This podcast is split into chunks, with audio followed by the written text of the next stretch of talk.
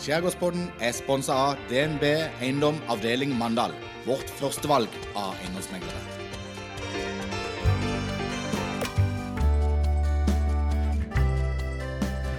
Skjærgårdspodden med Thomsen og Loland. Det lir og lakker mot vår. Det gjør det, Ja. og toget går. Ja. Sola skinner uten, og det er deilig med våren. Åh, det er en veldig god følelse. Vi har jo vært rundt. Det skjer så mye for tida. Ja, jeg at, tenkte på det Ja, vær så god.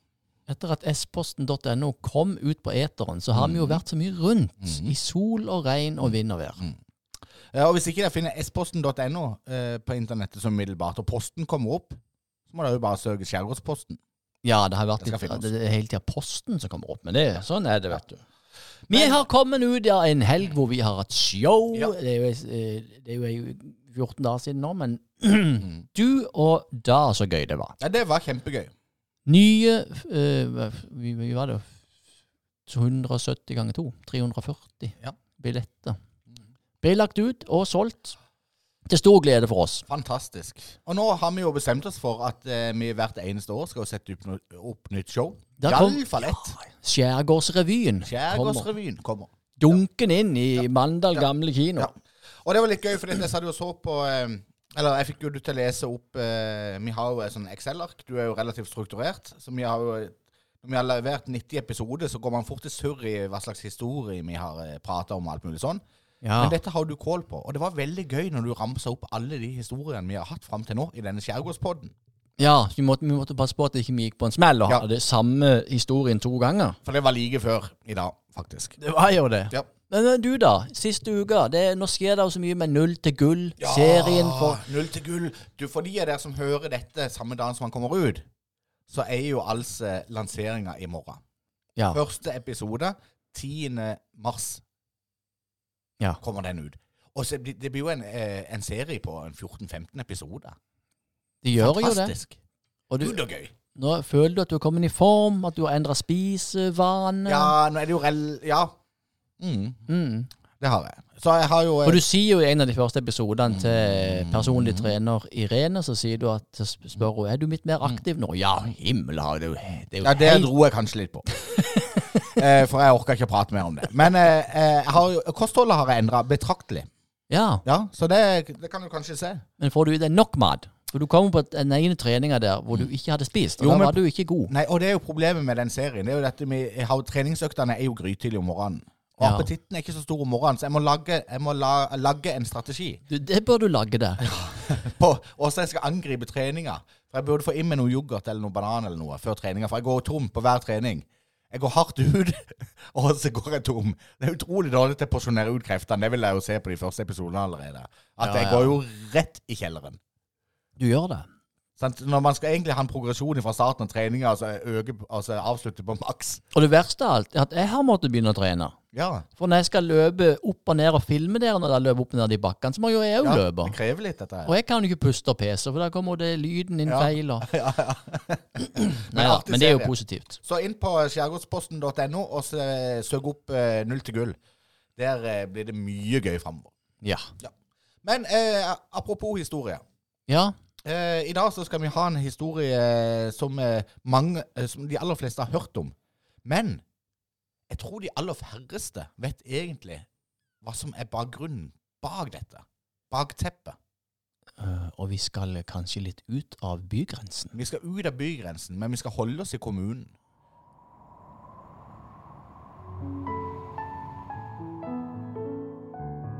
Historisk sus fra fordoms.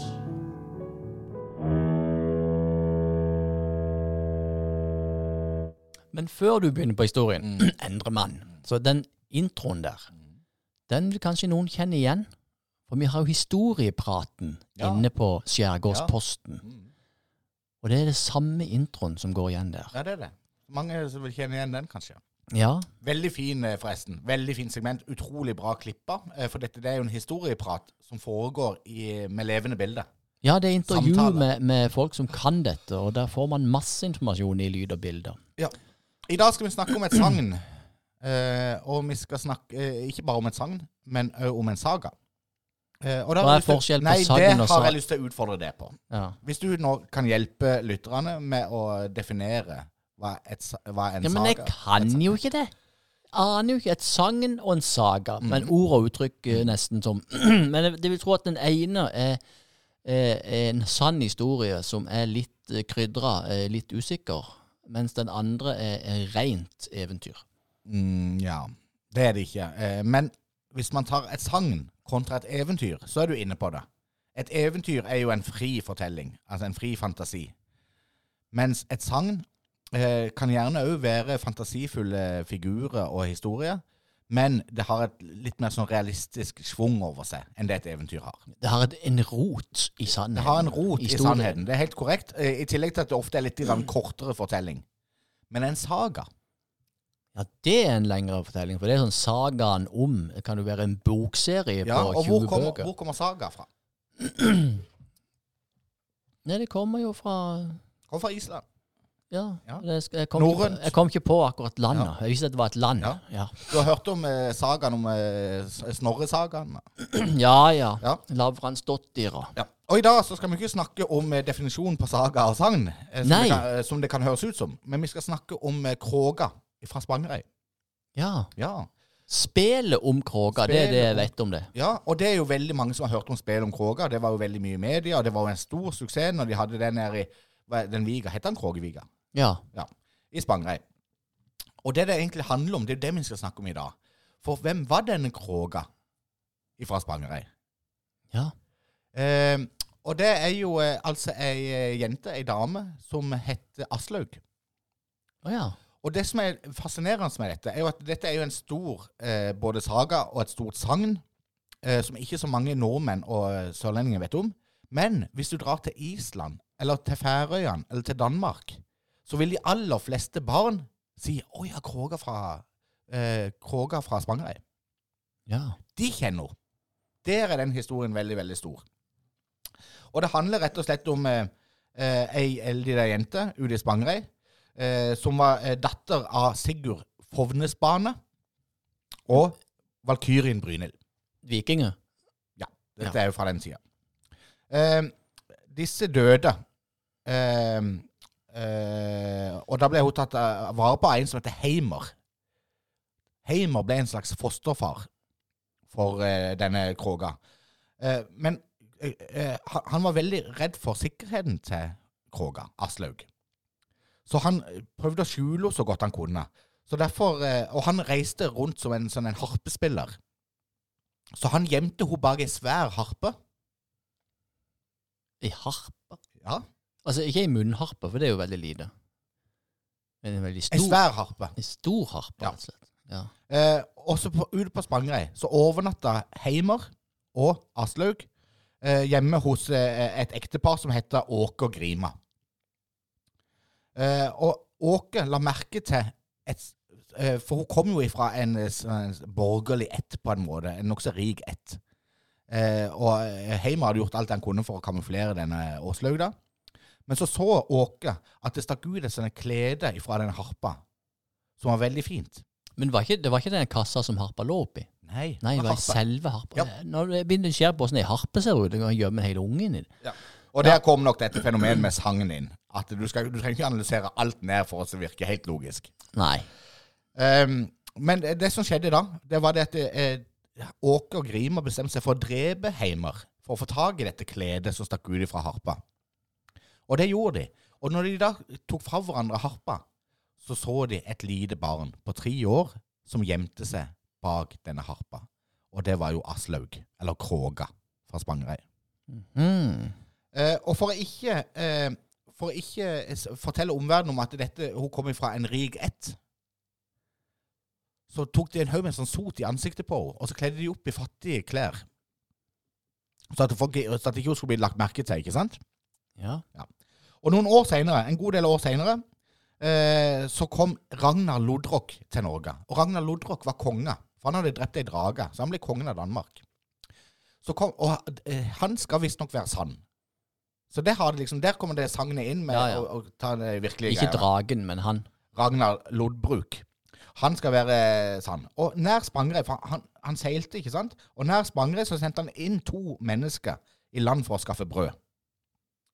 Eh, og de fikk beskjed om at eh, eh, eh, De fikk beskjed om at det var det de skulle gjøre. De skulle inn og hente brød på Spangereid, og skulle komme ut igjen. Aslaug fikk de øye på, som passa noen kyr. Aslaug hadde òg fått beskjed, for hun var veldig flott, Aslaug egentlig. Men de hadde jo kledd opp med fillete klær og sot i ansiktet. Så hun hadde fått beskjed, beskjed av sine nye fosterforeldre, da, Åke og Grima, som hadde tatt livet av Heimer, om å ikke få lov til å bade. Antageligvis fordi at da ville hun kunne vise sin skjønnhet. Ok. Hun brøy denne regelen. Så når disse to menneskene som var sendt ut fra Ragnar Lodbruk for å hente brød på Spangereid, kom inn til land, så fikk de øye på Aslaug som bada. Så de glemte vekk alt av brød. Oi, oi, oi. Så de reiste ut igjen til Ragnar og fortalte kun om denne vakre skapninga Aslaug som de hadde sett. Og da sendte jo Ragnar bud på Aslaug. Han ville jo komme i kontakt med henne. Eh, og det var, ikke, eh, det var ikke hun så veldig gira på. Eh, og han, Ragnar hadde sagt at hun skal komme verken påkledd eller avkledd, verken sulten eller mett, og verken alene eller sammen med noen. Det var avansert. Ja, og Ragnar Lodbruk han snakka i sånn vers. Det er litt interessant. Eh, men Aslaug viste sin klokhet med å tulle seg inn i et fiskegarn, og så beit hun i en løk. Og så kom hun sammen med en hund. Så hun gjorde alt som var imot Ragnar sin befaling, da. Og Ragnar snakka til henne i vers, og hver gang så hadde hun et godt motvers som hun svarte med. Veldig, veldig artig. Og han tilbød jo ei dronningkåpe.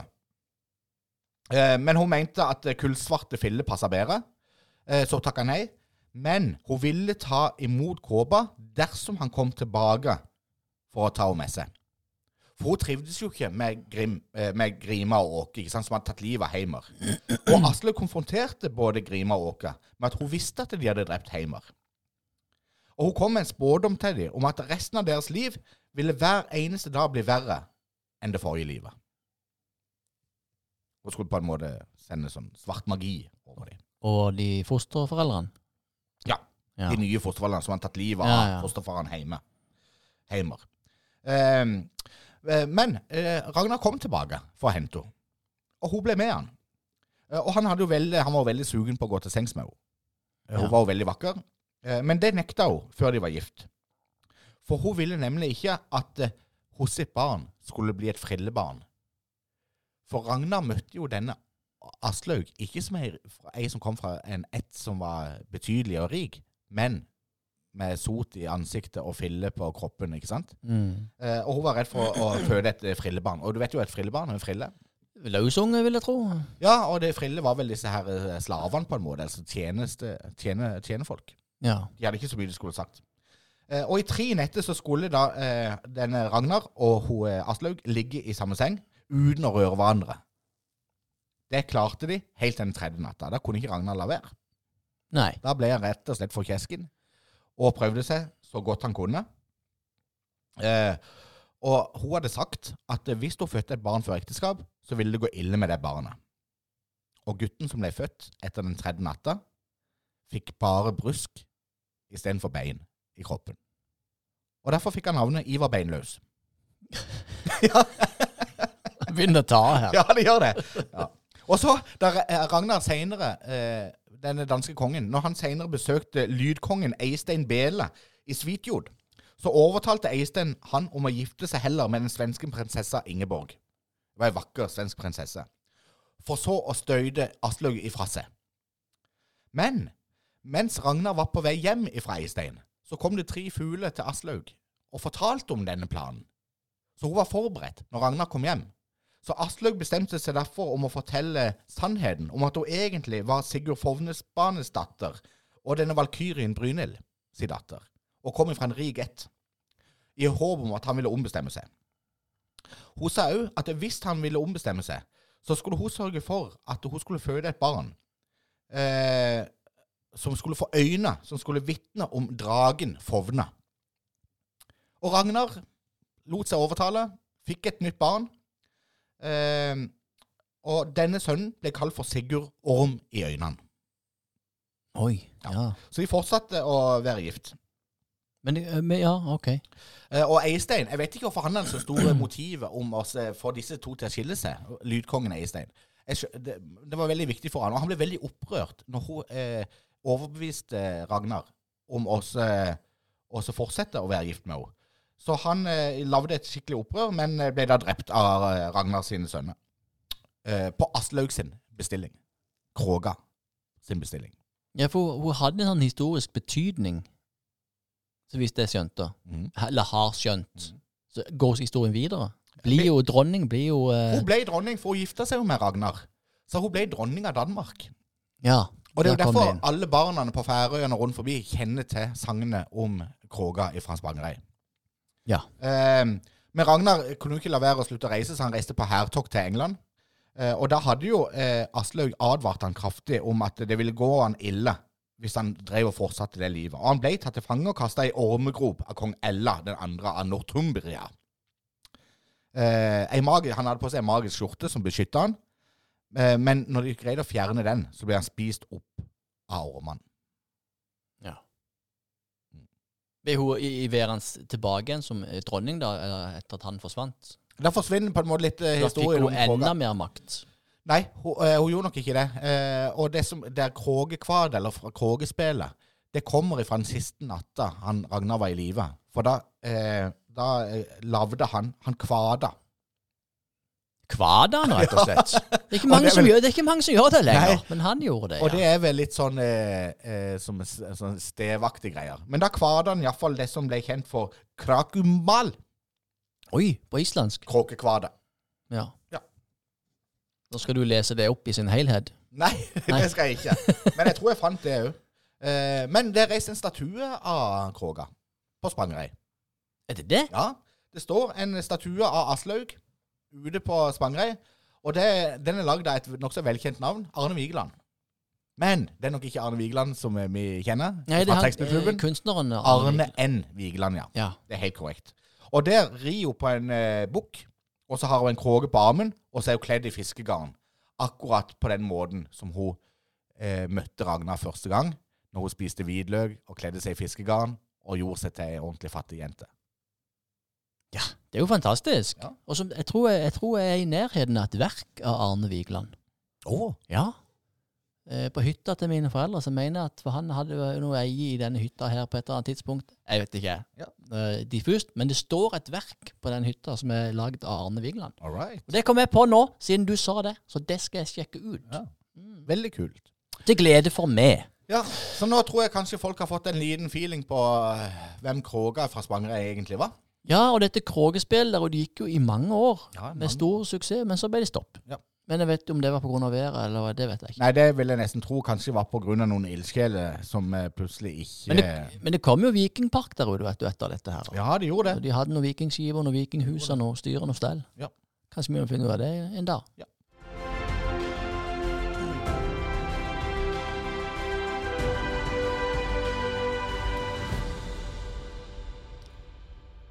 Nei da, så eh, jau da. Da ble, Sånn det var det. histori- da ble det historie i dag òg. Det er litt deilig å reise ut av, av byen òg, liksom, for å finne historie. Ja, men vi er jo Skjærgårdspodden, vet du. Vi tar for oss hele skjærgården. Ja, vi gjør det. Det er nok noe spennende både her og der. Ja. ja, og det er jo òg et litt sånn tips og taps fra eh, publikum. Det setter vi jo veldig pris på. Vi får jo stadig vekk tilbakemeldinger om hva vi bør besøke, hva vi bør gjøre, og hvilke historier vi bør ta tak i. Ikke slutt med det. Nei. Nei. Det er veldig viktig med Ja. innspill. Jeg så til morgenen i dag at vi er i ferd med å passere 100 000 avspillinger.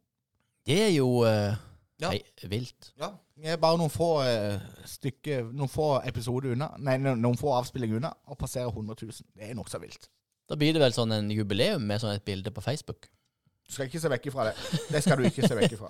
Dagens sponsor, uh, ikke apropos noe historie eller noe sånt, men eh, det er jo DNB Eiendom, avdeling Mandal. Å, nydelige DNB Eiendom. Jeg, jeg, jeg blir glad inni meg når jeg hører det navnet. fordi jeg, jeg tenker bare på den praten vi hadde sammen med Line og med Junina.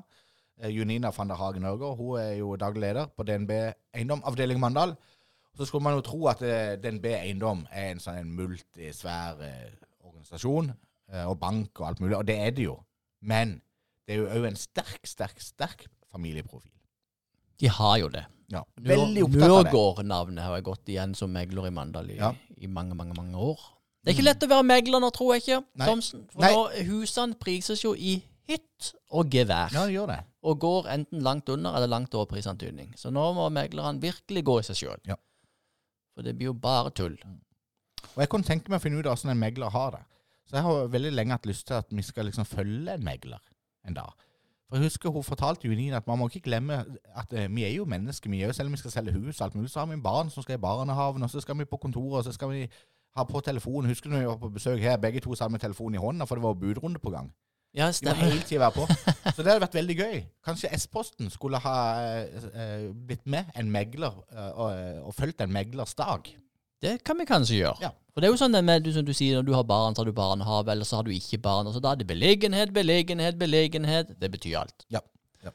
Men nå må vi gjøre oss klar til ukens gjest, for han står nemlig på gangen. En veldig, veldig interessant gjest. Yes! Jeg har alltid syntes at det er veldig gøy med gjester. Og nå kommer ukens gjest. Endelig. Vær så god. Dette blir spennende. Ja, Lite ante ukens gjest om at han egentlig var liksom hyrt inn her på en torsdag morgen eh, som en konsulent for å finne ut av hva slags type mikke vi skal kjøpe oss. Ja, for dette er jo en kollega av Ja, det er det. Og du er rett på ballen med en gang. Ja, ja. Ja, Vi skal bare få introdusert han. Jo da. Ja. Ukens gjest er Pål Tesaker Fosso. Fosso. Ukens gjest i Skjærgårdsbåten er ingen ringere enn Pål Tesaker Fosso. Han kommer opprinnelig fra Jyland, jobber på Kulturhuset i Lyngdal og bor i Mandal. Han driver også med podkast. Hva nå enn det måtte være. Ukens gjest. T-saker. Det er ikke mange som kaller det for det. Nei, det er ikke det. Eh, men det er veldig hyggelig. Jeg er, jeg er veldig stolt av det etternavnet der. Ja. Det viser min Jylandstilhørighet. Ja, fordi at du er jo fra Jyland. Ja, delvis. Ansatt i Lyngdal, bosatt i Mandal. Riktig. Ja. Ja, Godt observert. For en kombo. Ja, for en kombo. Ja. Ja. Han hadde, han hadde passa fint inn på Krabbehaugen i det der kulturelle episenteret du vokste opp i. Ja, ja, ja. Med pakistanere og setestøl og nordlendinger. Ja, Jeg bor ikke så langt unna der. Jeg bor på, jeg bor på toppen der, med, i uh, Tjernstubben. Hva sier du det? Ja da. Du er en frøyslandsmann. En frøyslandsmann. Ja. Har bli- blitt, i hvert Hva er det ha seg? Nei, det er veldig fint, da, syns jeg. Rett med igletjern. Ja, det er ikke det vanlige svaret som er det. Det er jo kvinnfolk, vet du. Så Ja. blir det sånn. Nei, for tingen er at det, er- hun kommer jo fra andre sida av landet igjen. Hun gjør det. På en måte enda østover. Ja. Åh. ja, eller det er ikke noe enk enkelt svar på hvor hun kommer fra, for hun er forsvarsbarn. Eh, Så hun, Hun har, kommer, hun har reist rundt, ja. ja, hun er bodd overalt. Mm. Ja, så de har sånn forsvarsdialekt, forsvarsdialekter. Ja, eller hun er Oslo og trønder. Og og så er hun veldig god i engelsk for å bodd litt i utlandet. Skal jeg si? Fantastisk. Men det var Ja. ikke hun som dro meg her til. Eller, nei. Vi bor nå her sammen, da. Ja. Ja. Mm. Savner du Lyngdal eller Jyland? Jeg vet jo jeg er veldig mye i, på begge de plassene. Jeg kom just fra Jyland nå, jeg var der i vinterferien i ei uke. Og så er jeg jo i Lyngdal nesten hver dag på jobb, så det, det ikke, bygger seg ikke opp noe voldsomt savn. Jeg, Ja, for det er jo ikke til å legge under en sko at uh, dere reiser på ferie til, til, til, til all, ja, eh, Erik Alfred Tesaker, som er Ja. din bror, da. Som har dette store eh, Palasset. palasset der oppe. Ja. Det er som å være på ferie i sånn en fritidspark. ja, det er jo det. Eh, Nå er, vi er slekt, men han, han er ikke min bror, altså. Å nei! Nei, men han, hva, hva er det? Er Tremenning eller firmenning med ungene hans? Det er vel noe sånt, tror jeg. Å ja, bare så langt ute, ja. Ja da, ja da, vi er det. K eh, ja. Kildene våre svikter, Thomsen. Men jeg har en onkel som heter Erik Tesaker. Det er jo Det var sikkert han du tenkte på. Det var nok han. Det var nok det. Ja, men du, du jobber jo i Lyngdal. Du jobber på Kulturhuset i Lyngdal. Stemmer det? Det har vært en stund. Ja, det er vel 13 år nå, tror jeg. Ja. Er det like lenge Nå aner jo ikke jeg hvor lenge det Kulturhuset har eksistert, men det Det, det er faktisk 20 år til neste år, så da må vi jo ha ekkojubileum. Ja. Ja. Men du er, du er jo forholdsvis ung, men allikevel nokså rutinert i det gamet der. da. Du er en av de gamle dinosaurene på Lyngdal kulturhus. Ja, takk for, takk for det. Ikke så ung, men eh, ja, eh, jeg har vært der lenge, og det var jo egentlig noe jeg, sikta meg inn mot. Eh, Det å jobbe på kulturhus, eller jobbe med kultur, Mm. musikk og teater og alt det der. Jeg har alltid vært interessert i det, og jeg tok en utdanning òg som, som gjorde at jeg sikta meg inn på det. Men jeg visste jo òg at det var ikke det er ikke den sikreste inntektskilden, og det er heller ikke den sikreste plassen å få jobb. Eh, Så jeg var jo fryktelig heldig som kom meg inn der, vil jeg si. Og det er jo sånn, sånn sted som det er veldig mange som blir værende til de, til de eh, tar på seg tredressen. Får se. Men jeg trives veldig godt, i hvert fall. Er det bra aktivitet på huset? Du, det er litt sånn eh, Akkurat nå så er det Vi er litt en del litt sånn sykemeldinger, og vi er ikke for full drift, kan du si, så vi er litt på halv maskin. Uh, det er relativt god gang i det som skjer, og så har vi hatt litt tekniske problemer. Vi har sju trekk, altså jeg vet ikke om folk vet eh, hva et scenetrekk er, men sånn som du henger opp lys og teppe og alt sånt i, som er ute av drift, og Ja. som vi eh, nå har et anbud på å fornye. Det er litt sånn kjedelig å snakke om, men, Ja. men det har veldig mye å si for oss. Vi måtte avlyse en Riksteaterforestilling grunn av det. Ja. Uh, og sånne ting er jo Det utrolig kjipt. Ja, Det er veldig kjipt. Apropos sånn riksteaterforestilling og sånn. Er, det en, eh, er det gjengs i dette kulturhusmiljøet at uh, man tar mer og mer sånn noen type prosjekt? Booker dere noe sjøl? Å ja, ja. Absolutt. Det gjør det? Ja da, det gjør vi absolutt. Vi har en, nå har vi en ny leder, da, så nå, nå har vi en ny bookingkomité. Den gamle kalte Ja. vi Good Looking Booking Crooks. eh, og nå må vi finne på et nytt navn. Så hvis dere har noen forslag der, kanskje noen av lytterne deres vil sende inn noe Hva heter det? Good Looking Booking Crooks. Good Looking Booking Crooks. Et kommunalt foretak som heter det? Nei, det var bookingkomiteen vår. Eh, Ja, men det er jo i Lyngdal kommune, antar jeg. Ja, ja, ja, ja. Det er ikke registrert i enhetsregisteret, akkurat den Nei, nei. komiteen der. Ja, ja. men- Nei da, men vi har en liten komité av folk som vi samles eh, Når du skal søke opp det navnet, kan du gjenta det? Det er mailen til de her der. eh. Good looking booking crooks. Ja, det kan du finne på internett. Ja. Nei, eh, det vi gjør er jo at jeg samler opp ei, ei dåse med ting som jeg ikke er helt sikker på, Mm. eh, og så diskuterer jeg det med deg. Ellers så har jo jeg har jo da myndighet til å booke hva jeg vil, Mm. uh, innenfor rimelighetens grense, men jeg kan jo bli arrestert hvis jeg booker helt idiotisk. Men du kjenner jo det gamet litt òg, Endre, at Mm. eh, du får ganske mange henvendelser, så får du òg en del ideer i hodet ditt som du tenker at å, det hadde vært gøy. Ja. Nå mangler jeg kanskje litt sånn tønesaktige greier, eller litt humor, eller Mm. uh, visesang, jeg vet ikke. Og så, så prøver du å få et helhetlig program ut av det som kommer, og Riksteater det er jo sånn som kommer med et tilbud uh, til oss, og så sier vi ja takk uh, til det. Men kommer det folk på disse uh, forestillingene? Ikke sant? Når dere booker litt sånn kommersielt, men når dere mm. booker sjøl For det husker jeg jo når jeg drev Sjøboden, så det er vanskelig nok, og da var det jo plass til 80 mennesker. Mm. Og jeg tenker jo i en sal hvor du har plass til jeg vet ikke hvor mange plass til 300 eh, Ja, det er 265 ca., Ja. eller ganske nøyaktig. ja. Og da er det jo kjedelig å arrangere konserter hvor det kommer ni stykk på. Ja, det er jo dritkjedelig, så det er jo For det skjer jo det. Ja, absolutt. Uh, vi har jo utvikla noe som vi kaller intimscenen, som er litt sånn et eh, Jeg har jo alltid likt godt Sjøbondens scene, så uh, litt Jeg vet at vi kan ikke få det på et kulturhus. Vi får ikke den uh, vi får ikke den der eh, fine stemninga som du får på en, en sjøbod. Men eh, du kan prøve å tilnærme deg det, og da har vi utvikla noe som vi kaller intimscene. Og den syns jeg er kanskje den mest spennende å booke til. For da kan du booke Du kan tilpasse lokalet òg til antall publikummere. og så kan du òg kan du òg flytte arrangementet fra den store salen over dit, hvis du ser at eh, dette går den veien, at det blir mindre publikum. Og så kan du samtidig lage en god opplevelse ut av noe som kunne blitt en litt sånn klein og Er det på samme huset? Ja da, det er det. Ja. Ja, det er det. Og jeg husker jo faktisk eh, bare, eh, Beklager at jeg avbryter, men i 2013 eller et eller annet sånt, et år etter Buen kulturhus ble etablert, så arrangerte de vinterfestival et par år. Mm. Eh, Og etter de årene så booka de Stein Torleif Bjella. Det husker jeg. Og det er kanskje en av de beste konsertene jeg har vært på. Det var i biblioteket Mm. i Mandal. Den var jo den var jo på, den var fantastisk. Mm. Så det går an å bruke noen av disse rommene Mm. til sånn type virksomheter. Ja, den var et kjempegodt eksempel, egentlig. Og jeg syns hele den vinterfestivalen var så fin, fordi at de brukte alle rommene i huset, mer eller mindre. Ja. Så du fikk besøk, det, Du følte at du var på en festival, selv Mm. om du var på et kulturhus. Og så smalt det til med en podkast i Ja, for da smalt jo verden til med en pandemi. Ja. Eh, og da fant vi ut at eh, ja, OK, hva er det vi holder på med nå? Jo, vi driver og avlyser ting og refundere billetter, og så driver vi og lager strømarrangementer, da. Så vi, vi, vi booka jo ganske mye strømarrangementer, og, og produserte det. Uh, men vi følte kanskje ikke det var nok. Uh, vi hadde lyst til å gjøre noe mer, og vi hadde lenge meg og, og Ivar, da, som jeg lager podkasten med, vi hadde snakka om det med podkast. Og da fant vi ut at nå er, nå tida inne. Uh, Så vi drodla litt, og så fant vi ut hva er det vi trenger. Jo, vi trenger sånn og sånn. og hva er det vi må lære oss? Jo, vi trenger å lære det og det. Og så satte vi i gang, da. eh, Og begynte litt sånn på halv åtte. og det er forferdelig flaut, som jeg sa til dere i sted. Jeg Det er flaut å høre de første episodene nå. eh, Og det, jeg anbefaler ingen å høre dem. Jeg syns det er flaut å høre de siste episodene. Altså, jeg, jeg hører jo ikke noen ting. Nei, og det Nei, så har det bare balla på seg. Vi har funnet ut litt hva er det som funker, og hva er det som ikke funker. Vi fant ut at uh, i starten hørtes vi ut som infopod. Uh, det har vi ikke lyst til å være, og det har ikke publikum lyst til å høre heller. Så eh, vi har prøvd å, være, ja, prøvd å bli litt løsere i snippen og lage litt musikk. Og vi har funnet på en del spalter som vi syns er gøy. Så nå har vi f.eks. der vi tester ubeskytta yrkestitler. Så nå er denne til neste gang så skal vi være personlige trenere og trene opp alle på Kulturhuset til å, Er det en ubeskytta tittel? til å ta idrettsmerke. Ja, Da kan jeg kalle meg for personlig trener uten at jeg har Det- noe papir på det. det kan du. Ja, det er jo nydelig. Skal vi Men- gjøre det? Jeg håper ikke vi vanner ut dette, for det er stor respekt for de som jobber som PT. Og Du kan jo ta Ja, for å si det sånn, De gjestene jeg får, de kundene, de vil jo få seg et lite sjokk når de møter meg der på Kanelstranda. Nei, men vi tar sjansen på at, at eh, krenkesamfunnet tåler at vi, vi Ja. tester ut de titlene. Ja. Men det, sånn det er veldig gøy. Eh, og så har vi gjort mye annet rart. Men podkasten er jo i, i regi av kommunen. Ja, Ja.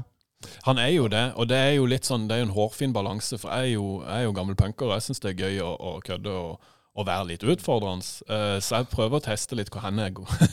Hvor går grensa? Hvor går grensa? Ja. Det, det skal jo være innafor. Jeg skal jo ha integriteten i behold og stå inne for det. Men for å si det sånn, i, for, i den aktuelle tida vi lever i nå, så har jo NRK hyra inn Sofie Elise. Og da tåler jo Lyngdal kommune Pål, de må jo bare det. Hvis ikke, hvis ikke får de bare cancele meg. Er det ikke det de sier? Hva heter podkasten? Du, Den heter Bak scenen, eh, med undertittelen podkast fra Lyngdal kulturhus'. Ja. Ja. Og det, Der har vi jo òg gitt ut en del musikk, så det ligger mye forskjellig på Spotify. Jeg si. Men det er en annen podkast som heter Bak scenen òg, så eh, den har jeg aldri hørt på. Det, det tror jeg er noe sånn der selvhjelpsopplegg. Eller, ja. Oh, ja. Vi er ikke så. Ja, vi er kanskje litt selvhjelps... eh, Men, men jeg tror da folk klarer å se forskjell, da. Men dere har jo, eh, bare for å ikke slippe helt Lyngdal kultur, så har dere jo mye eh, Jeg ser jo, jeg følger jo med. Eh, jeg er jo halvt Lyngdal sjøl, så jeg, eh, Lyngdal ligger jo tett til mitt hjerte. Men han tidligere eh, ansatte med Lyngdal kulturhus, han Røren, Eh, Petter Røren. Petter Røren, Ja, han jobber der fortsatt, han. han jobber der fortsatt, ja. Ja, ja, ja. Han eh, driver jo òg med en del arrangementer der, med bokbad og Mm. eh, disse her filmklubbene og dette. Ja, ja, ja. Også populære tiltak, det ikke? Ja. Jeg ser jo det hver gang han inviterer disse forfatterne til bokprat, Mm. så er det bra med folk. Det er, og det, det er mye takket være han, altså. Eh, hans personlighet og, og måten han, han klarer å, å inspirere og få folk til å komme på de rette tingene. Han, sier, han er litt sånn mantra om at uh, han skal anbefale ting, men han skal treffe på minst ni av ti når, Ja. han, når han gjør det når det gjelder bøker, det gjelder filmer og, og, og alt dette her. For, for bommer du for mye, så mister jo folk trua på at du er god til å anbefale ting. Så han, han, det ligger mye tanke bak det. Altså, han har en troverdighet i lokalmiljøet. Ja, det har han, og så er han en veldig, veldig hyggelig fyr. Eh, Men vi har vært borte og besøkt Lyngdal nærradio. Ja. Eller Lyngdal radio. Eller Radio Lyngdal. Er det det? Radio Lyngdal. Radio Lyngdal. Du har vært ansatt der. Jeg har vært ansatt der Ja. i en periode. Ja. Eh, det er ikke sånn en eh, eh, Sånn en eh, Hva heter det for noe? Sånn front mot front-krig mellom Lyngdal kulturhus og Radio Lyngdal da, om hvem som skal ha flest radiolyttere. Nei, det er jo ikke det. Nei, vi har jo, vi har jo bra samarbeid med Radio Lyngdal. Er det ikke Radio Lyngdal? Jo. Radio Lyngdal du, du, 9000 lyttere i uka. Ja, det er jo helt imponerende. Det er helt vilt. Ja, ja, ja. Har dere vært, har dere vært på radioen da og fortalt om podkasten? ja, men det er jo først og fremst om programmet er å snakke med deg. Men jeg fikk jo Morgan Lillene som jobber der oppe. Vi, vi lager jo noen sånn true crime-podkast òg. Sånn der radioteater. Og da fikk jeg han til å spille inn eh, Nå avbryter vi over en åpen bibel for å melde om. Oh, ja. så, det, så det Nei da. Vi, Et tverrfaglig samarbeid i det er radio eh, det er tverrfaglig samarbeid på sitt beste. Ja. Ja. Ah, ja. Er, er det sånn at jeg kommer til, til å sitte på dyrskuen? Ikke sånn hvite dresser. Ja, så, ja bare Sånn- jomut. Kripos-dresse. Nei, eh, ja, vi snakka mye om det. Vi har kjøpt dere sånn felleskjøpedresse. Da Eh, Da hadde jo ingen lagt merke til dere på dyrskue, sikkert. Nei, da skiller du deg ikke ut. Nei, det gjør du ikke. Men nei, jeg vet ikke. Det, vi har faktisk vært på dyrskue tidligere, men ikke med podkasten. Det er kanskje ikke det vi, der vi legger inn hovedtyngden. Men har dere tenkt på å se involvere Janne Fardal Kristoffersen noe i denne podkasten deres? For jeg tenker Ja. jo at Hvis det er sånn at du går tom for ideer, så kan du jo bare få Janne inn, og så sier du at du kan begynne å prate nå, og så trykker du på den røde knappen, og så stikker du ut og så tenker på ditt. Ja, jeg, jeg, jeg har snakka med Janne, jeg har ikke, og vi har snakka om å være, at hun skal være med på podkasten, så definitivt. Eh, vi merker jo at hun er inntatt uh, Ja, det er vel det de fleste lyngdøler gjør merker at hun er der. Så nei, Ja, det, det skjer ingenting på Vigeland lenger. Nei, nei, nei, hele bygda har bare dødd. det er folkeflukt. Ja, ja. Men vi må prate litt om private ting òg. For ja, ja. jeg husker jo for noen år siden så plutselig så fikk du et lass med barn. Ja. På veldig kort tid. Ja. Jeg har jo en kamerat, Atle Lund Christensen. Han eh, gjorde litt av det samme. Han fikk en, en unge, syntes det var strevsomt nok, og så fikk han tvillinger rett etterpå. Ja. Eh, og fikk tre unge på halvannet år totalt. Ja, ja, ja. Ja. Og du er litt samme situasjon, men dine barn er litt eldre nå. De er jo det. Jeg har jo faktisk ei- ei på 19 òg, som Ja. eh, også her fikk, jeg fikk tvilling først. Mm. Ti år, begge de. Og så er jeg jente på seks, og så har jeg en gutt som nå er fire. Fire og et halvt. Ja. Så eh, jeg er jo fem, da, totalt. Det er full fart. Ja, det er virkelig full fart. Eh, ja. Det er ikke noe annet å si. Men de er mandalitter. Ja, de er jo det. Mm. Bortsett fra hun eldste, da, som er, er en del litt Oh, ja. blitt. Ja, ja. Mm. Så det Nei, de, de er jo litt sånn språkforvirra. De har jo en mor som er forsvarsbarn òg, da. Så, Men eh, ganske sånn mandalitter, ja. Vil jeg si det. Ja, Du har en rimelig god struktur da, når mor står opp og Bada, bada, bada, bada, Ja, bada, men- bada, bada, bada. Ja, vi har det revelje. Sko på! Og så er det rominspeksjon. Ja, det er hun, det er hun helt seriøst vokst opp med, at rommet skal inspiseres eh, hver lørdag. Og sier du det? Ja, ja, ja. Ja, ja. Fantastisk. Der er det struktur. Hun slår meg liksom ikke helt som den eh, typen. Nei. For Det du ikke vet, eh, Loland, kanskje, det er jo at eh, kona eh, driver jo eh, og jobber litt eh, Hun jobber jo ikke, men hun har noe som heter Levende eventyr. Ja, det er jo absolutt en jobb. Det er jo, Ja, det er jobb, ja. Ja. På Mandal kulturhus. Eller Buen kulturhus. Å, Ja, Hvor hun Litt for leser eh, høyt for barna. Mm. Eh, En lørdag i måneden, eller noe sånt. Ja, det er vel cirka Nå er det to eh, lørdager i halvår, er det ikke det? Hun er Ja. jo på Vigeland òg, på kultur... eh, kultur hva heter det? Kulturtorvet. Ja. Uh, så det er noe hun har utvikla sjøl, på bakgrunn av at hun er utdanna barneyogalærer. Og så eh, har hun Ja. utvikla dette konseptet som et sånt levende eventyrstund. Uh, kjempegøy og veldig, veldig populært. Eh, hun har òg vært i Kristiansand og Stavanger og rundt forbi med dette. Og du reiser jo òg litt rundt med podkast. Jeg så på Facebook at du var i Kristiansand. Du var til og med reist inn til storbyen for oss eh, For misjonærer. For å misjonere om podkasttjeneste. Eh, mm. eh, var det Fritidsklubb Arkivet, eller det som holdt til Det der? er på, eh, på Aladdin. eh, På Aladdin, ja. Gamle kinoen. Eh, ja, jeg hadde et podkastkurs for ungdom eh, på Agder der. eh, og det resulterte jo faktisk i en ny podkast som heter ja. Ungdom og sånn. Eh, så den kom ut tre episoder nå. Nå så jeg at de skulle ha en ny episode snart, der de skulle snakke med eh, sexolog Anni Tønnesen. Hun, er vel, oh, ja. hun er vel ganske mange titler. Ja. Hun er ikke bare sexolog, hun er vel eh, ganske mye rart. Ja. Eller ikke rart, ganske mye forskjellig. Ganske mye forskjellig, Jeg skal ikke være dømmende.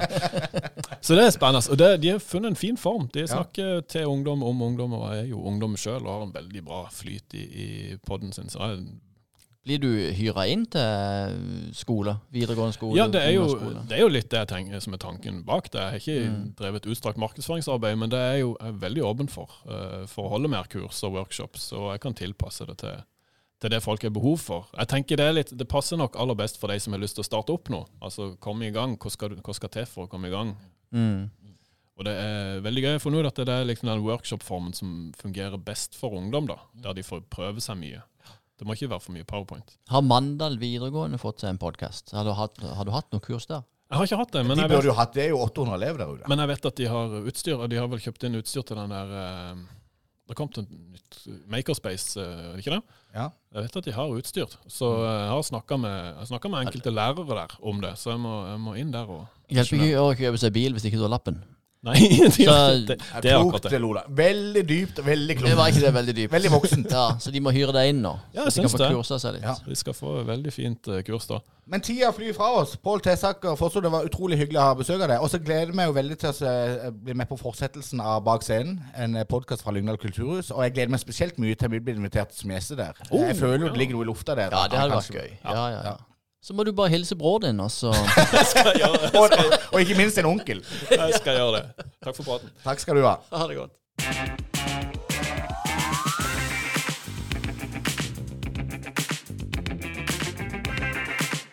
Ja, det var jo særdeles interessant. Ja, Ja. en spennende gjest. Jeg føler når vi fikk lagt litt press på han på å invitere eh, oss til hans podkast òg. Var Ja, ja, ja. Og så jeg følte liksom han stoppa opp et par sekunder eh, og, og tenkte Hvorfor det? Hvorfor skal de være i min podkast? Hva skal de bidra med der? Men det er greit. Vi er bare gode til å trenge oss på overalt. Ja. Ikke verre enn det. Ja. Men han var, bodde i Mandal, jobba i Lyngdal og kom fra Jyland. Jyland. Og gift med ei forsvarsdatter. Ja, så det var, det var mye all slags. Han kan skrive bok. Kanskje vi skal eh, hjelpe han å skrive sin bok om eh, han og familien.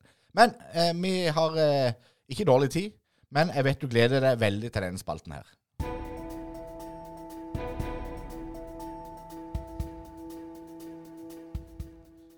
Jeg vet at du har forberedt deg veldig godt, men jeg er nødt til å starte denne. spalten. Og jeg har ikke notert meg dette på noe ark, for dette manuset har jeg helt klart for meg oppi min skalle. For den største nyheten i, mitt, i min verden den siste uka, det er uten tvil da redaktøren for skjærgårdsposten.no, Jon Erik Loland, figurerte en nasjonal avis med trynet sitt klistra utover forsida. Ja. Det syns jeg var veldig stas. Og det som begynte, du kan fortelle det sjøl, men det som begynte som et veldig veldig hyggelig og koselig intervju, det, det, Det det endra plutselig retning. Ja, vi ble kontakta av en eh, Oslo-avis. Uh, ja, ja, kan jeg liksom lage en sak, og dere har starta avis, ser vi der. Så koselig. ja, det er jo gøy, sier. Det stiller vi opp på. Og begynte med et veldig koselig intervju. Og så det gikk, gikk det bare mer og mer over til et avhør.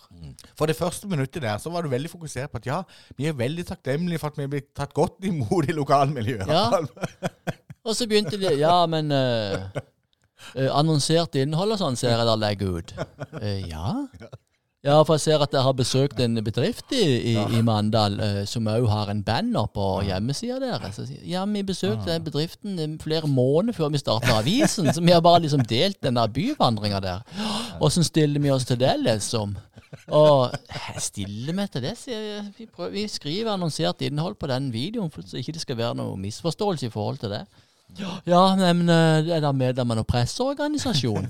Nei, vi er vel ikke det, sa vi. har holdt på i tre uker. Det, Vi skal bare ha det greit og lage god stemning. ja, vi må jo få lov til å starte opp avisen. Nei, men du er jo klar over at kan, folk kan jo ikke eh, melde deg inn til PFU, er det det? Ja. Presse...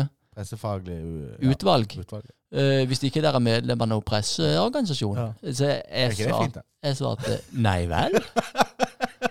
Nei, men, men hvis noen meldte der inn, åssen vil du ta stilling til det? Eh, hæ? Jo, altså, nei, det, det må vi jo ta stilling til hvis noen gjør det, sier jeg. Men jeg tror vi har veldig ryddige kort. Og vi, vi, er jo, vi lager jo bare glede og, og moro. Vi, vi skal jo ikke ta noen på noe vis. Men åssen vil dere stille dere til det? Nei, vi får vel ta det når det kommer, da. Og så sier jeg til han Det var ikke så Du- koselig du- intervju lenger. ja, Nei, så sier jeg til han at det begynner jo å minne veldig om et avhør, dette her. Hva er det egentlig du Er det en artikkel, eller hva er det du skaffer nå? Nei, jeg skulle bare lage en artikkel. OK. Men, da med, jeg- men, jeg må ha sånn korrektur, så jeg må, jeg må jo lese hva du har tenkt å skrive for noe her. Og så fikk jeg en korrektur, vet du. Hæ? Det var jo helt bananas. Det Første intervjuet til redaktør var- Loland. Ja, ja. Redaktør Loland sier vi er usikre på dette. Eh, Dette må vi sette oss inn i. For jeg sa jo det at jeg må, jeg må, ringe, jeg må få lov å ringe deg tilbake, for nå ble det veldig mye spørsmål her uten forvarsel. Så jeg kan jo ikke svare på dette bare på stående fot. Um, og, og så, det, så jeg sa du må fjerne det, og du må fjerne det. Og så kommer han tilbake igjen. Dette er jo en seriøs Oslo-avis. Ja, men det var det jeg sa. Ja. Ja, men hallo igjen. Ja. Jeg sa jo til deg at jeg må få lov til å, å komme tilbake igjen med et mer utfyllende svar. Ja, det var greit, det. Men det var ikke bare noe som du ba han fjerne. For eh, det som skjer umiddelbart rett etterpå, det er at plutselig så har ikke skjærgårdsposten.no noen redaktør. For det står jo redaktør Jon Erik Loland på nettsida vår. Ja, for han opplyste oss jo veldig grundig her om at vi trenger ikke å ha redaktør. Vi trenger ikke å, ha, å være medlem av en presseorganisasjon. Vi trenger ikke ta høyde for Vær varsom-plakaten, for vi er en frittstående avis. Så tenkte jeg, ja, da er vi, da er vi jo det. Ja, takk skal du ha. Så bare fjerna jeg det. Så da, fjer, da fjerna du det. Og da Ja. ble jo tittelen på den saken hans som ble trykt dagen etterpå Ja. Redaktør i ny nettavis fjerner Vær varsom-plakaten etter eh, dette mediet har vært i kontakt. ja. Det var veldig gøy. For hvis, jeg, hva er dette der, for jeg tenkte. Men så ser jeg jo alle sakene til den avisen, da. det handler jo bare om sånn Det er bare for å ta alle andre nyhetskanaler. Ja, det er det. Men du var i godt selskap, fordi at det var jo BBC eh, rett ved siden av som skulle Ja. tas for noe. Og så var det en eh, TV 2. eh, journalist i TV 2 Ja. som hadde vært ute med løken eller et eller annet på et julebord. Ja. Så det var jo, du var jo i et godt selskap. Ja, så jeg kom rett inn der sammen med de store. ja, du gjorde det.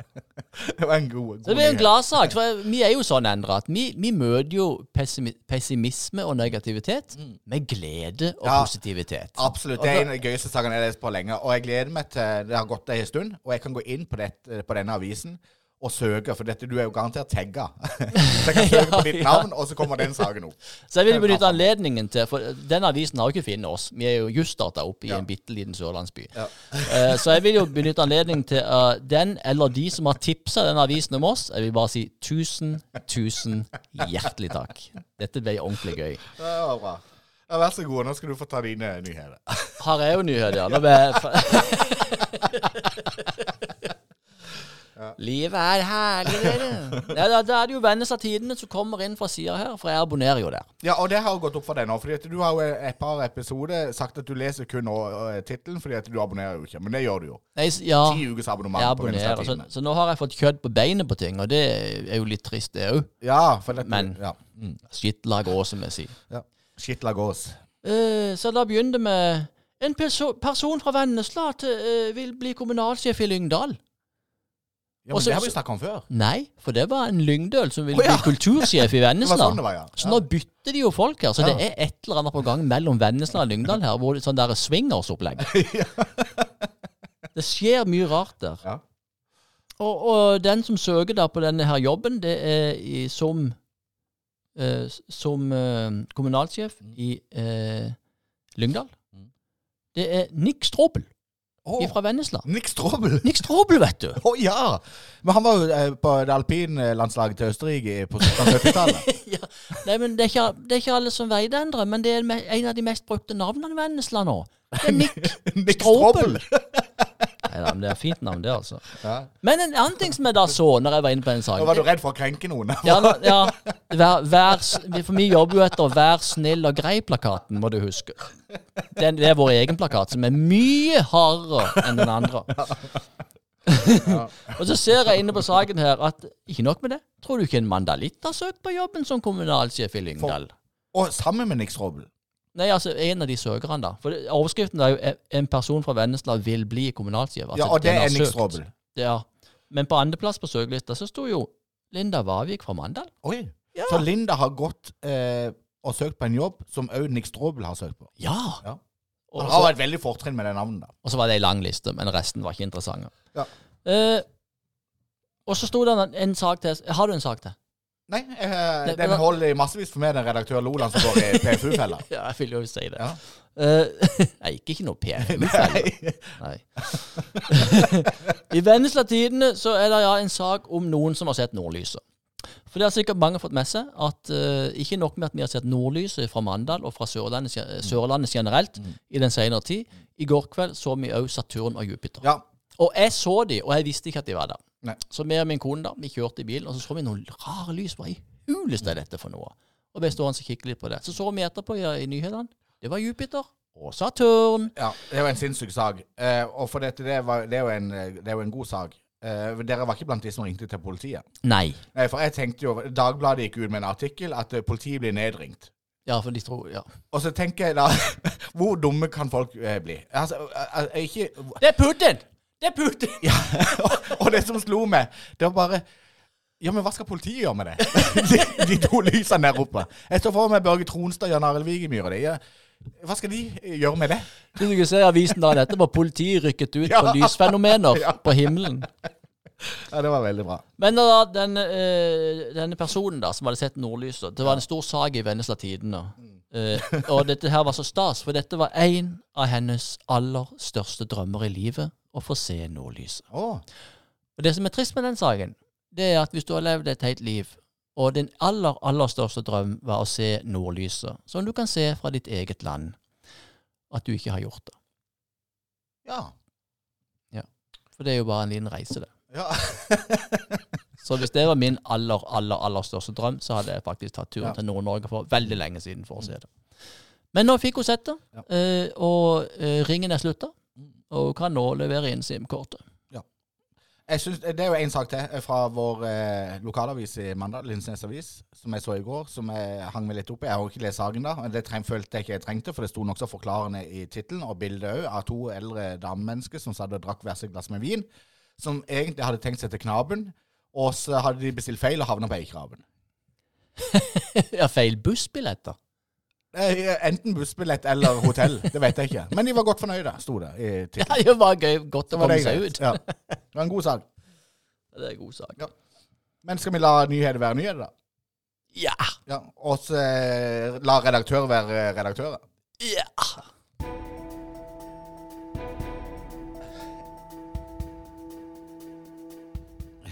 Men eh, apropos eh, samtalen med gjesten vår i dag, for å ta den røde tråden. Ja. Redaktør, er det en ubeskytta tittel? Nei, det kan jeg ikke tro. Nei. Nei. Det burde vært det. Jo, jo, det tror jeg faktisk Jeg tror du kan kalle det for redaktør. Jeg har jo vært det. Jeg var det jo i tre uker. Ja, du var det, også med bravur. Du gjør jo en kjempejobb. Ja. Helt fram til du første intervjuet. Ja, Helt fram til de fortalte meg at det trenger du ikke være. Og da vil du ikke være det lenger. Nei. Nei. Men det, det, det må være en ubeskytta tittel. Ja. Ellers så kunne jeg ikke kalt meg det. Nei, for du har ikke gått på redaktør. Jeg hadde jo blitt klaga inn for, fra første dag hvis det sto at jeg var redaktør, og det var en beskytta tittel. Ja, men jeg skjønner du. Ja. Ja. Ja. Jeg skjønner, jeg skjønner veldig godt. Journalist og redaksjonssjef Endre Thomsen. Ja. Er du beskyttet? Ja. Er tittelen din beskyttet, Thomsen? Ja. Du, men det synes jeg, jeg syns jo det er en veldig god sak. En veldig glad sak. Og veldig flott og fint. Fordi at jeg føler jo vi har på en måte hver, eh, vår, eh, Våre motiv er jo godt ivaretatt men at vi har jo ett ønske, og det er om å lage den verden vi lever i, til et bedre sted. Ja, vi lever jo etter Vær snill og grei-plakaten. Ja. Eh, og raus. Ja, ikke minst. Ja. Og det syns jeg flere andre skal gjøre. Eh, og nå eh, har ikke vi drevet med veldig hard etterforskning for å finne ut av hvem som har tipsa dette mediet i Oslo om denne Skjærgårdsposten. For jeg kan jo aldri innbille meg at når de bryr seg om BBC og TV 2 og, og, og VG og Dagbladet og Aftenposten og Adresseavisa i Trondheim og sånn, at de plutselig skal lage en veldig sak på skjærgårdsposten.no Nei, der er det et annet kanskje vi har blitt et av de største mediehusene i Norge uten at vi vet det sjøl. Ja, det kan godt være det. Skal ikke det borte Ja, ja, ja, det. Ja, ja. Men uh, artig ja. var det lell. Ja. Artig var det lell. Men har vi ord og uttrykk i dag? Vi har Det slo en meg plutselig. Ja. Har vi det? Vi har en hel haug med ord og uttrykk. Yes. Og uh, vi kan godt fyre det i gang uh, umiddelbart, hvis det, du tenker det er fint. Ja. Okay, Jeg kan legge, skal du legge deg flat først? Oi, det var å legge det fra deg. Legge seg fra det. Oi, det var Nå å fortelle. Der er vi. Skjærgårdspodden analyserer ord og uttrykk, samt visdomsord. Ikke fordi de må, men fordi de vil. Jeg føler stemninga er eh, upåklagelig i podden i dag. Ja, han er det. Han er høy og god. Og lattermild. Eh, jeg har uh, snekra sammen tre ord og uttrykk. Eh, jeg tror du eh, kjenner igjen eh, mange av uttrykkene. Og jeg tror du kommer til å klare å definere hva de betyr, og hvilken sammenheng man eh, helst eh, velger å bruke de. Men så er det jo historien bak, da. Ja, for jeg er glad i dette her konseptet her. Ja. Fordi at jeg får to følelser i kroppen på en gang. Mm. Jeg syns det er kjempegøy med ord og uttrykk. Og så blir jeg kjempenervøs for at jeg skal bomme. Ja.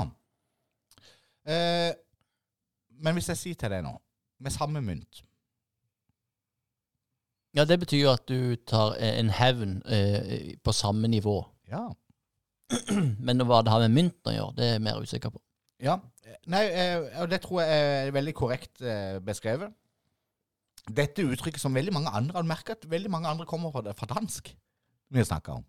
Ja, De danskene, altså. De De, var kan dette ude. her. ja. Altså.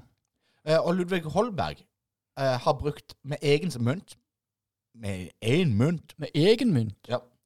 Uh, og det svarer òg godt til det engelske uttrykket som heter 'pay back in one's own coin'. Å gitt tilbake med egen mynt. Eh, vi liker å bruke det med samme mynt. Men betydninga er riktig. altså at det er det at man, eh, man svarer opp på samme måten. Eh, I en hel andre land Altså Det er veldig mange land som bruker dette. Tyskland, Frankrike, Italia, Spania, Portugal og Russland. Men det er et helt haug med land som bruker dette uttrykket på sin eget språk. Og i en hel rekke andre land så kan du dessuten, i, til, altså i Norge òg, smake på sin egen medisin. Ja, det henger litt sammen. Ja, de, he- Mm. de to er linka sammen og kommer liksom eh, litt eh, inn i hverandre. Og, det, eh, og de vet ikke helt hvor den medisin kommer ifra. Men det har noe med at det er den samme valutaen eller samme valør. Den, ok, Hvis du gir meg den medisinen, skal jeg gi deg den medisinen tilbake igjen. på en måte. Ja. Men det er liksom negativt lada. Ofte, Vi bruker det jo ofte i en setting hvor ja, men da skal jeg svare med samme mynt. Mm. Eh, så det er jo ikke så veldig positivt. Neste eh, uttrykk. Skjegget i postkassa. ja, den er interessant. Ja. Eh, for det at eh, Da står du der med skjegget i postkassa. Mm. Ja, det vil si at du kommer i en situasjon eh, som du egentlig ikke ønsker å komme i, men du kom i den allikevel. Kanskje fordi du gjorde noe dumt. Ja vel, du står der med skjegget i postkassa. Og dette, Men det var skjegg Det har jo ingen for, for betydning av noe som helst. Med mindre du kommer med noe nå. Eh, nei, og det, de, de, har de, ikke, de har ikke greid å finne så veldig ut av det, men at det er et felles skandinavisk, uh, eller nordisk uttrykk, som, som er relativt ferskt. Det stammer fra uh, 1950-tallet. Så postkassa er helt riktig. Det er jo det som er brukt. Og postkassa har du ikke vært for alltid. De hadde jo ikke postkasse på 1500-tallet. Nei, nei. Altså, det har liksom levd hele tida. Men det handler jo om å ha mislykkes på en måte. Eller havne i ei knipe. Da bruker vi det jo ofte. Mm. Og så hadde han det med skjegg i postkassa. Det Det er derfor mange misforstår, for det har så rar betydning. Så mange sier jo Så sto jeg der med skjegget fullt av postkasser. Mm.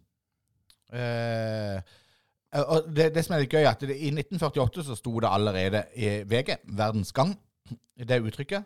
Og da var det Ingvald Marm som skrev om eh, om en, Han mente det var nærliggende eh, at bordskuffen det, For han mente det kunne vært et uttrykk før, men så var postkassa byttet ut med bordskuffen. Han har skjegg i bordskuffen. Det sto med bordet og tok ut den der skuffa i bordet, og så Ja. gikk skjegget nedi, Yes. og så så smalt den skuffa igjen. igjen. og så satt du Og så satt du der. Så du i ei knipe. Men vi går til det siste ordet og uttrykket, da. Jeg trodde du hadde mye mer kitt på beinet på den. Det var jo ikke en drit der. Men å gå over bekken etter vann, Ja, det har vi litt mer. For det handler litt om den der elgen som gikk over bekken og ble rein. Nei, det har ingenting med det å gjøre. Gå over bekken etter vann, Ja. det er jo da å, å øh, gå, gå Altså at du Hvis du har en butikk på sida av deg, så så kanskje ikke du så der, så gikk du tre kilometer og handla det brødet du kunne fått rett på sida deg. Det er helt korrekt. Ja. Eller eh, eh, overført til en annen eh, greie. Man kan si at man, i nabohuset så bodde verdens vakreste jente, men så dro du til Paris for å gifte deg istedenfor. ja Det er ikke vits å gå etter bekken etter vann. Eh, og det handler jo egentlig om også, eh, at det finnes noe nært, istedenfor å gjøre det vanskelig. Så for å få folk til å handle lokalt, så burde det uttrykket brukes oftere. Da burde Silje Wigemyr og de som driver med næring i gågata, det- si at det, det er ikke vits å gå over bekken etter vann. Rema 1000 endra. Vår kjære samarbeidspartner. Ja, hva er det med de? Det enkle er ofte det beste. Ja, de er inne på Det er jo. Rema 1000. Det er Ja. jo samme greia. De Det er har ikke vits i å reise til Paris når du kan gå til naboen. ja, de har tatt det uttrykket. Eh, men det kommer eh, antageligvis eh, dette, eh, Da skal vi ut av Norden, ut av Skandinavia, og så skal vi til det gamle oldtidens Grekenland. For det er jo et uttrykk som de fleste kjenner til, eh, deriblant du, eh, som heter 'å bringe ugler til Aten'. Det er, men at du, at ugle i mosen Ulle i mosen? Nei, Ulle. nei det er, ha- handler ikke om ugle i mosen, men å bringe ugler til Aten. Bringe ugle til Aten. Ja, det er jo dansk. Nei, det er fra Aten, sier det er jo Hellas. Og det er ikke vits å bringe ugle til Aten. Og, og han første som brukte dette eh, i Henger det sammen med, Ja, det med det det over bekken? Å ja, jeg Ja. trodde det var et nytt Nei. ordtak. Nei. Antikkens Hellas. Aristofanes. Han brukte uttrykket altså 400 år før Kristus. Så skriver han eh, i en kommentar til en ugle som flyr forbi Hvem har tatt med en ugle til Aten? Å, Og eh, på den tida så var uglen et eh, Eller heter uglen? Det er så rart å si. Ugla. vi sier vel ugla her på Sørlandet. Og på den tida så var ugla et symbol på å være byens beskytter. Eh, eh, gudinnen Aten, eller Athene, mente jo at det var nok av ugler der. I Aten. Det var allerede en haug med ugler der. Så hvem har bringet en ny ugle til Aten? Hvem har gått over bekken Ja. for å hente en ny ugle? Ikke sant? Når vi hadde det sjøl. Og veldig interessant Og det du dette er sier. 400 år før Kristus. Ja, og det du sier med at uglen er byens beskytter. Mm. Gikk det plutselig opp for meg. Ja. Harry Potter. Ja, OK. Det kommer masse der han bor, så kommer det masse ugler og lander på treet på utsida. Mm. Ja, det var for å beskytte han. Mm. Det har ikke jeg skjønt for nå. Eh, det som de har eh, tenkt på i ettertid, det er jo at eh, Aristofanes eh, Veldig flott navn. Aristofanes, ja. ja. Når han skrev dette uttrykket, så tenkte han kanskje heller på mynte, faktisk. Eh, For han har òg skrevet at det skulle være helt unødvendig å bringe med seg mynte til det allerede rike Aten. Og så skrev han i, i et av versene sine det kommer aldri til å mangle ugler. Så de spekulerer jo litt om, eh, om ugle egentlig er et annet ord for mynte. Aha. Ikke sant? Ja. Så man trenger ikke gå til nabogården for å hente penger når denne gården vår er, er rik fra før av. Det er mye her. Ja, det var mye å ta tak i. Eh, Mye ugle i mosen. Mye ugle i mosen. Og så Det stopper jo ikke der. fordi at eh, om eh, antikkens Aten og eh, Grekenland har tatt dette til seg, så måtte jo romerne gjøre det samme. Så i Romerriket så har de adoptert det ut uttrykket. Vi ender på å gå etter bekken etter vann. Ja, Over bekken etter vann. Ja. Og vi er fremdeles på ugle til Aten. Og de adopterte uttrykket i Romerike ululas Athenas. Og latin hadde òg uttrykket ligna in salvem, som betyr å bringe tre til skogen. Skogen er jo full av tre, ja. så hvorfor skal du bringe tre til skogen? Ser ikke skogen for bare trær, si. Ja, Men det er jo interessant, da, for når du har ugle beskytter byen, Mm. så ugle kan ha vært et annet ord for mynt. Altså penger vil beskytte deg. Ja. Hvis du går langt nok tilbake i tid, så er de som hadde mest gull, Mm. var som regel de som var tryggest. De kunne Ja. betale seg ut av alt. Mm. Historiker Loland. Som her historien brikkene faller på plass. Det er noe mer du lurer på, Thomsen. Bare spør. Greit med alt som er gjort, sa mannen og skaut et rådyr. Det er koselig spalte den der. Det er veldig, Ja, gøy. Jeg liker Altså. Ja. Og ikke minst opplysende. Ja, Ikke minst. Og det liker vi jo. Folk er jo glad i quiz. Mm. Og lære ting og kunne ting. Og Men har du fulgt med på VM på ski? Eller NM på ski? Runners. Nei, jeg, Ja. ja, nei. Hæ? eh, det, jeg tenker veldig ofte på han der politimannen fra Bodø når du tar den. For han er jo sånn en. Og så tenker jeg på Trond Skogvold, bakeren vår, Ja. når du kjører den der. der. Og så er det en til. Hvem var nå det? Jo, eh, Rune Skjønner. Ja. Er det noen som har lyst på noen boller eller mandagskringle, så bare si ifra. Det er veldig bra. Det skal vi faktisk lage en historie om Mandalskringle. For der tror jeg det eh, ligger en eldgammel eh, For Mandalskringle er jo litt spesiell. For det, den er, det er greit at det skal være rosiner i ei kringle. Han er loada. Den er loada. Og jeg lurer på om ikke den faktisk eh, stammer fra noen besteforeldre til Per Smith eller et eller annet sånt. Jeg, Ja, det tror jeg er riktig, faktisk. ja. Det er urgammelt iallfall. Men det skal vi ta tak i seinere. Det skal vi ta tak i. Men VM på ski, følger du med på det? Nei. Nei. Men eh, det som var litt gøy, eh, som jeg syns var litt rørende, det var jo at Maren Lundby satte bakkerekord. For to år siden så slutta Maren Lundby, som var liksom en av eh, Hva kan man kalle det for en sånn en, Du er over på hopp nå. Ja, men det er òg VM på ski. Er det det, ja? Ja, ja, ja. Ah, ja. De, de er sammen om det. Langrenn kombinert og hopp. Å ja, jeg trodde de hadde egen Nei. Det er bare skysky- sky, skiskyting. Skiskyting. Ja, Ja. de har eget De har sin egen. Eh, Og de har hvert år, tror jeg. Ja, det har de jo. Skiskyting har hvert år. Men VM på ski er annethvert år. Eh, og eh, Maren Lundby, som var på en måte profeten i damehopp eh, etter hun der Anette Sagen Mm. Eh, hun eh, ga seg jo med hopping for to år siden. Fordi at det plutselig så begynte bare voksen eh, voksen og, og kroppe. Kroppen begynte å vokse. Ja. Så hun klarte ikke å holde disse her eh, vektmålene for å drive og fly langt. Eh, og har vært veldig åpen på det. Det har vært, det har vært veldig bra for utrolig mange. Og så har hun trent og trent og trent. Hun har løpt mye. Hun har endra treningskulturen sin. For tingen var at Jeg så et intervju med henne i går. Det var ikke, mange trodde jo at hun la seg ned på en sofa og ikke orka trene mer, og heller bare spiste. ja. Men det var noe uforklarlig som skjedde med kroppen, så hun trente jo to ganger om dagen, men allikevel så bare la hun på seg mer og mer vekt. Men hun har endra fullstendig treningsregime. ja, for hun trente på seg muskler, vet du, og muskler veier jo mer enn fett. Ja, Mm. Så hun har endra fullstendig treningsregime. Hun har bytta ut veldig mye av den tidligere treninga med eh, løp. Hun driver og løper mye, og hun går på langrennsski. og Ja, gjør mange sant. sånne ting. Ja. Og nå er hun altså tilbake, og to år etterpå så setter hun bakkerekord. Hun havna på andreplass i stor bakke i VM på ski. Det var veldig rørende. Det var såpass rørende at NRK-reporteren som intervjua henne, begynte å gaule på direkten. Åh, Ja, det var fint. Og da, Ja. hun kommenterte det. Hun sa det er veldig fint at du begynner å grine nå, for dette, da kan vi grine begge to. Det var et rørende intervju. det er folkelig Det var et. TV-øyeblikk. Ja, det vil jeg tro. Så det er mitt sterkeste VM-inntrykk så Dette, langt. dette, dette, at dette kommer fra meg nå, det er veldig spesielt. For nå sier jeg til det, Endre, Mm. at jeg gleder meg veldig til fotballsesongen kommer i gang igjen. Oi, gjør du det? Mm. Hvorfor det? Jeg elsker å gå på kamp. Ja. Idrettsparken og. Vigelandet. Ja. Ja. Når begynner den? For det vet jeg selvfølgelig ikke. Og det er sånn i midten av april.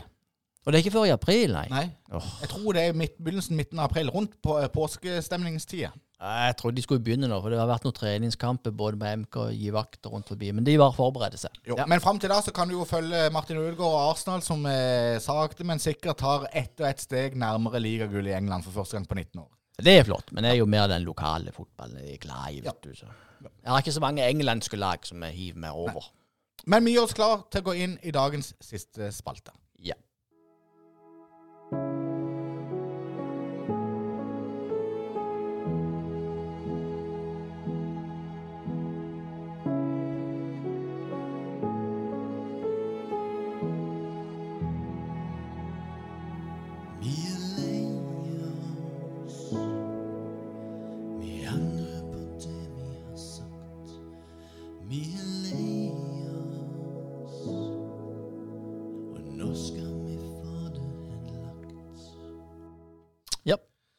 Vi er lei oss. Veldig voldsomt lei oss.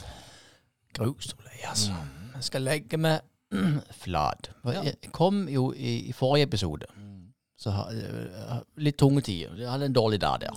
For det, det, det skjer jo mye. Så kan man plutselig få en dårlig dag. Mm. Det er lov. Og da sa, jeg, være lei deg for det.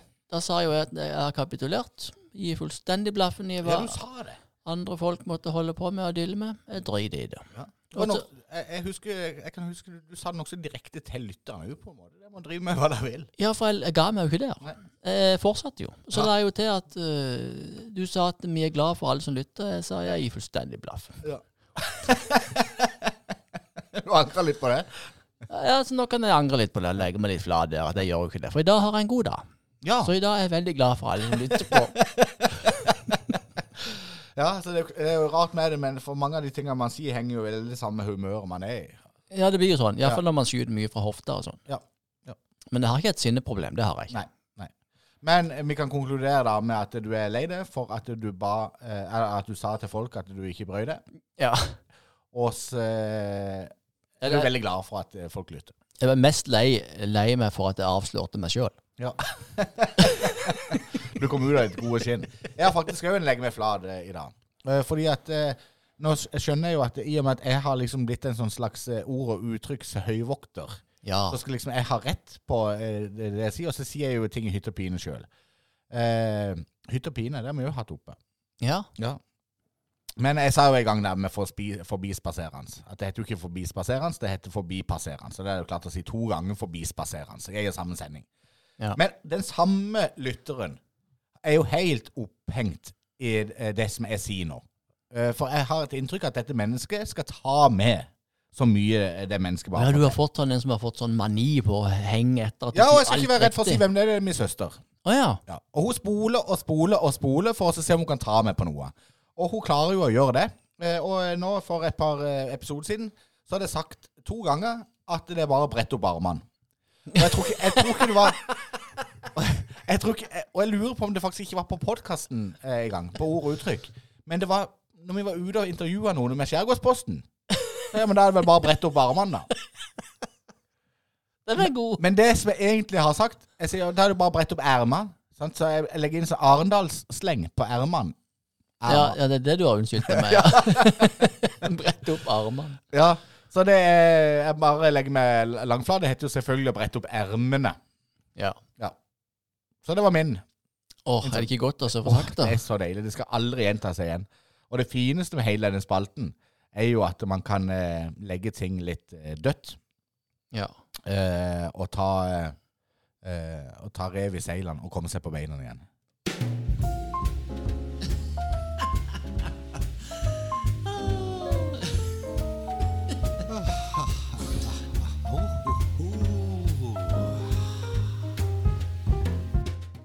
Det har vært ei aldeles nydelig sending her, Loland. Mye det- godt humør. ja, en lang, god sending. Ja. Så da runder vi rett og slett av. Det er det er ikke sånn superlang. En time og åtte, kanskje. Tipper noe ekko rundt der. I den duren. Men nå er vi ferdig med å runde av. Vi har hatt besøk av Pål Fosso Tessaker, Tessaker Fosso. Og vi har hatt snakka om Kråga på Spangreia. Ja, ja, ja. Ja. Godt i ett. Redaktøren har blitt til daglig leder. Ja, ja, ja. Ja. PFU får være PFU, og vi skal følge Vær snill og grei. Vær snill og grei-plakaten. Ja. Og raus. ja. Og det håper vi alle andre òg. Ja. ja. Skjærgårdspodden skal nå lyve. Så jo da, ja vel. Ja, det var sånn det ble. Og Loland lurer på så mye. Og Endre Thomsen viser vei. Ja da, jo da, men allikevel.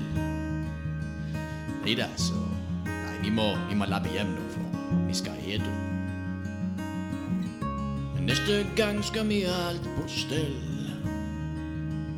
Og vi håper du ønsker å være til stede.